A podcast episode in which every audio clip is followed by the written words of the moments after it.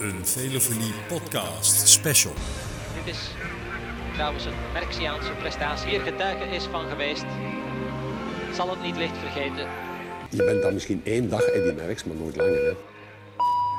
Als Alan Piper over de meet rijdt, koud tot in zijn botten, drijfnat, maar vooral uitgeput, ziet hij op het bord van de tijdmeting 15 minuten en nummer 24 staan. Voor hem stort Gilbert Duclos Lassalle ineen en ook Paul Hagendoorn is maar net binnen. Piper kijkt om en ziet niemand meer. Hij voelt zich miserabel en trots tegelijk.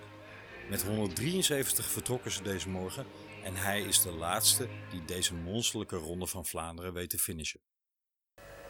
Ware slagregens hebben het peloton vooral op de kasseien uiteengeslagen. Van de 173 deelnemers blijven er momenteel na 200 kilometer slechts 30 à 35 over vooraan. Het is 7 april 1985, de dag van de hoogmis, Vlaanderens mooiste en de weergoden besluiten dat het mooi geweest is en schakelen een tandje bij. Bijster koud was het al, maar nu gezelt een zware storm het toch wel uitgedunde pak deelnemers aan de Ronde van Vlaanderen. Het regent slagregens, zo extreem dat op het parcours plassende gevaarlijke gaten tussen de kasseien verborgen houden. En dan spreken we nog niet over de ijskoud gierende wind. Het is duidelijk dat het vandaag geen koers voor de kleine jongens is. Man voor man verliest het peloton aan omvang. Wie niet goed is, is snel gezien.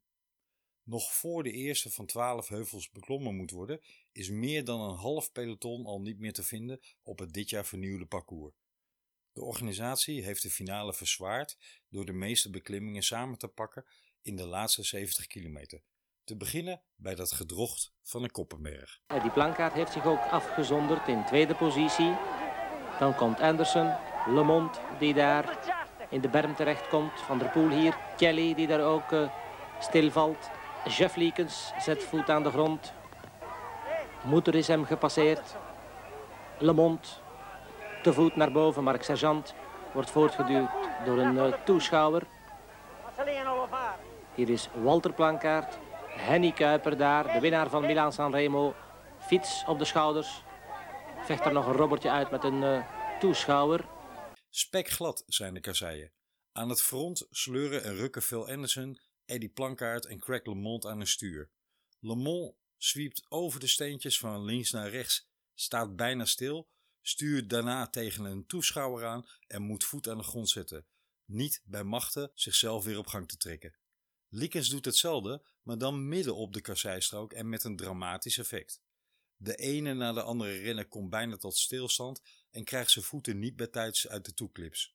Er wordt gevallen, of eigenlijk meer omgevallen, gevloekt en gescholden en terwijl overal renners dwars liggen, opstaan en fiets na fiets over de schouder wordt gehezen, deelt Milaan Remo winnaar Henny Kuiper een in de weg staande toeschouwer een mijlpeer toe om daarna als ridder te voet verder te gaan.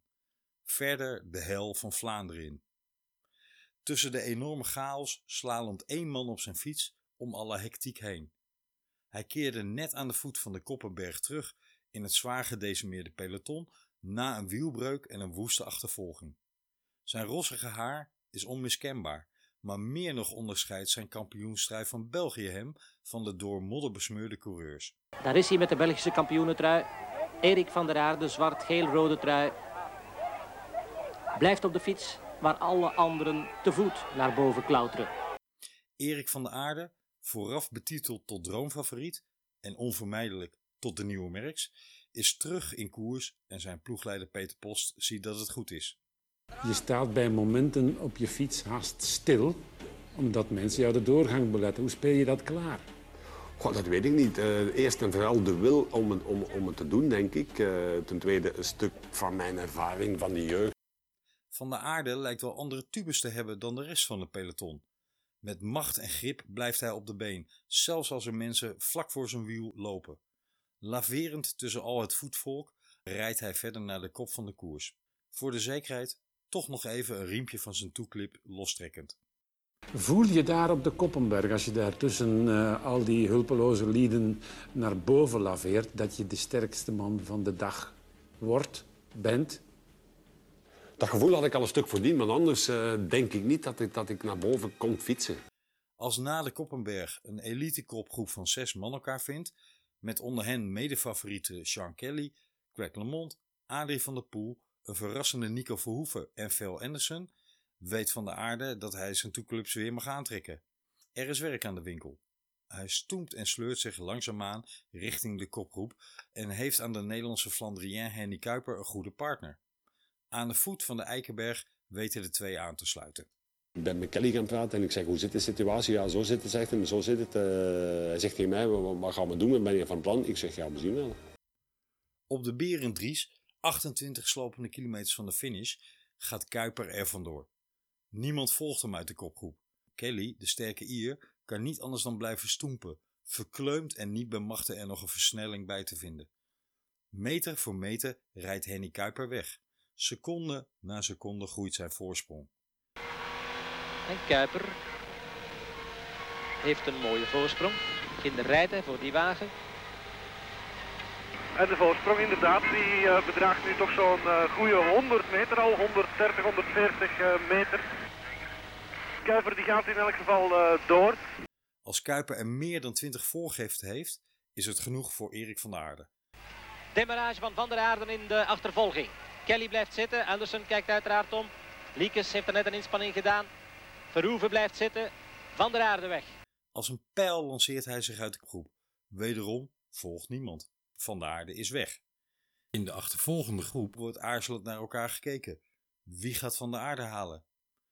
Er vinden wat laagstootjes plaats en twee aarzelende tegenaanvallen. Ploeggenoot Phil Anderson countert deze, precies zoals Peter Post het zijn mannen opgedragen heeft. En Anderson springt nu van Rogiers weg. Sterker nog, Phil Anderson heeft nog een cartouche en rijdt zelf naar Van der Aarde toe. Indrukwekkende Phil Anderson. Ja, Van der Aarde heeft het begrepen en nu met z'n tweeën achter Kuiper aan. Met z'n tweeën weten ze daarna de samensmelting met Kuiper tot stand te brengen, vlak voor de volgende loodzware taak, de muur van Gerardsbergen beslechten. Gedrieën hebben ze rond de 35 seconden voorsprong en beginnen ze aan de klim. Anderson op kop. Later zal Anderson vertellen dat Van de Aarde hem geflikt zou hebben door eerst te roepen dat het langzamer moest om vervolgens zelf te demareren. Voor mij was het een, uitgemaakte, of een, tenminste een uitgemaakte zaak van ik moet hier gaan op, op, op de muur. Want als ik niet ga, dan gaan we in een later stadion in die wedstrijd tussen de muur en uh, de Bosberg. Dan gaan we spreken van wat gaan, wat gaan we doen. Hoe het ook zij, Solo komt van de aarde boven. En daar is Erik van der Aarde, de Belgische kampioen, op kop op de muur van Gerardsbergen. Met kleine voorsprong op Phil Anderson en Henny Kuiper. Solo gaat rossige Erik verder over de laatste twee hellingen van de dag, de Bosberg en de Vlierendries. Het regent inmiddels niet meer, maar de wegen zijn kletsnat, van de aarde doorweekt en de wind blijft ijskoud gieren. Zijn benen malen de trappersfront alsof de wind hem niet probeert te stoppen. Het water uit de lucht, op de weg of in zijn gezicht, de modder, de kou, het deert hem minder dan wie ook vandaag. Vandaag doet Erik wat heel Vlaanderen al had gehoopt een einde maken aan de buitenlandse hegemonie in de ronde. Vandaag lijkt inderdaad een nieuwe merk zich te hebben aangediend. Dit is trouwens een Merksiaanse prestatie. Vandaag wint er weer eens een Belg. De eerste in tien jaar. Dit wordt de mooiste overwinning, uiteraard in zijn nog jonge loopbaan. En hij treedt meteen in de legende van de Ronde van Vlaanderen door de manier waarop hij hier de overwinning inpalmt. Vandaag is niet Kuiper, niet Anderson en ook niet het bizarre weer hier de baas. Vandaag is er slechts één ware Flandrien. De omstandigheden worden achteraf nogal eens als Siberisch omschreven en wellicht nog het best geïllustreerd door een passage uit Sean Kelly's autobiografie Hunger. Kelly plaste met opzet over zijn eigen benen voor de klim van de muur van Gerardsbergen. Het was zo extreem koud, zei hij, zonder dat te doen was ik niet over de muur gekomen. Met 40 seconden voorsprong wordt de 23-jarige Erik van der Aarde de jongste winnaar van na de oorlog in een editie die als een van de zwaarste ooit de geschiedenis ingaat. Het woord Flandrien krijgt haast een hernieuwde betekenis na zijn legendarische overwinning. Van de 173 gestarte renners finishten er slechts 24. Ook dat is het laagste aantal sinds de oorlog. Het illustreert wat Van der Aarde als 23-jarige al kon. Terecht zal hij later winst in de ronde mijn mooiste overwinning ooit noemen. Van der Aarde was prof van 1983 tot 1996. En hoewel hij nog een paar jaar als ster in een peloton aanwezig is en beruchte sprintduels met Sean Kelly uitvecht, kan Van der Aarde niet meer zo domineren als het voorjaar van 1985. Een nieuwe merks werd hij niet. Wel won hij 138 wedstrijden, waaronder ook nog Parijs-Roubaix. De proloog en een tijdrit in de Tour de France door de grote Bernard Hinault te kloppen en is hij nog steeds een graag geziene gast in het peloton. Toch troeft Erik van der Aarde de grote Eddy Merckx op in ieder geval één punt af. Erik van der Aarde is tot op de dag van vandaag de enige coureur die de Ronde van Vlaanderen heeft gewonnen bij zowel de junioren, de amateurs en de profs. Je bent dan misschien één dag Eddy Merckx, maar nooit langer. Hè? De Ronde van Vlaanderen 1985 blijkt uiteindelijk een legendarische editie te worden. Zo legendarisch dat de lezers van het Nieuwsblad in België in 2015 de Ronde van Vlaanderen 1985 verkiezen tot de mooiste ronde ooit. Nog voor Eddy Merckx, nog voor Tom Bonen, nog voor welke andere Flandrien. Erik van der Aarde was paaszondag 1985 misschien wel de grootste Flandrien.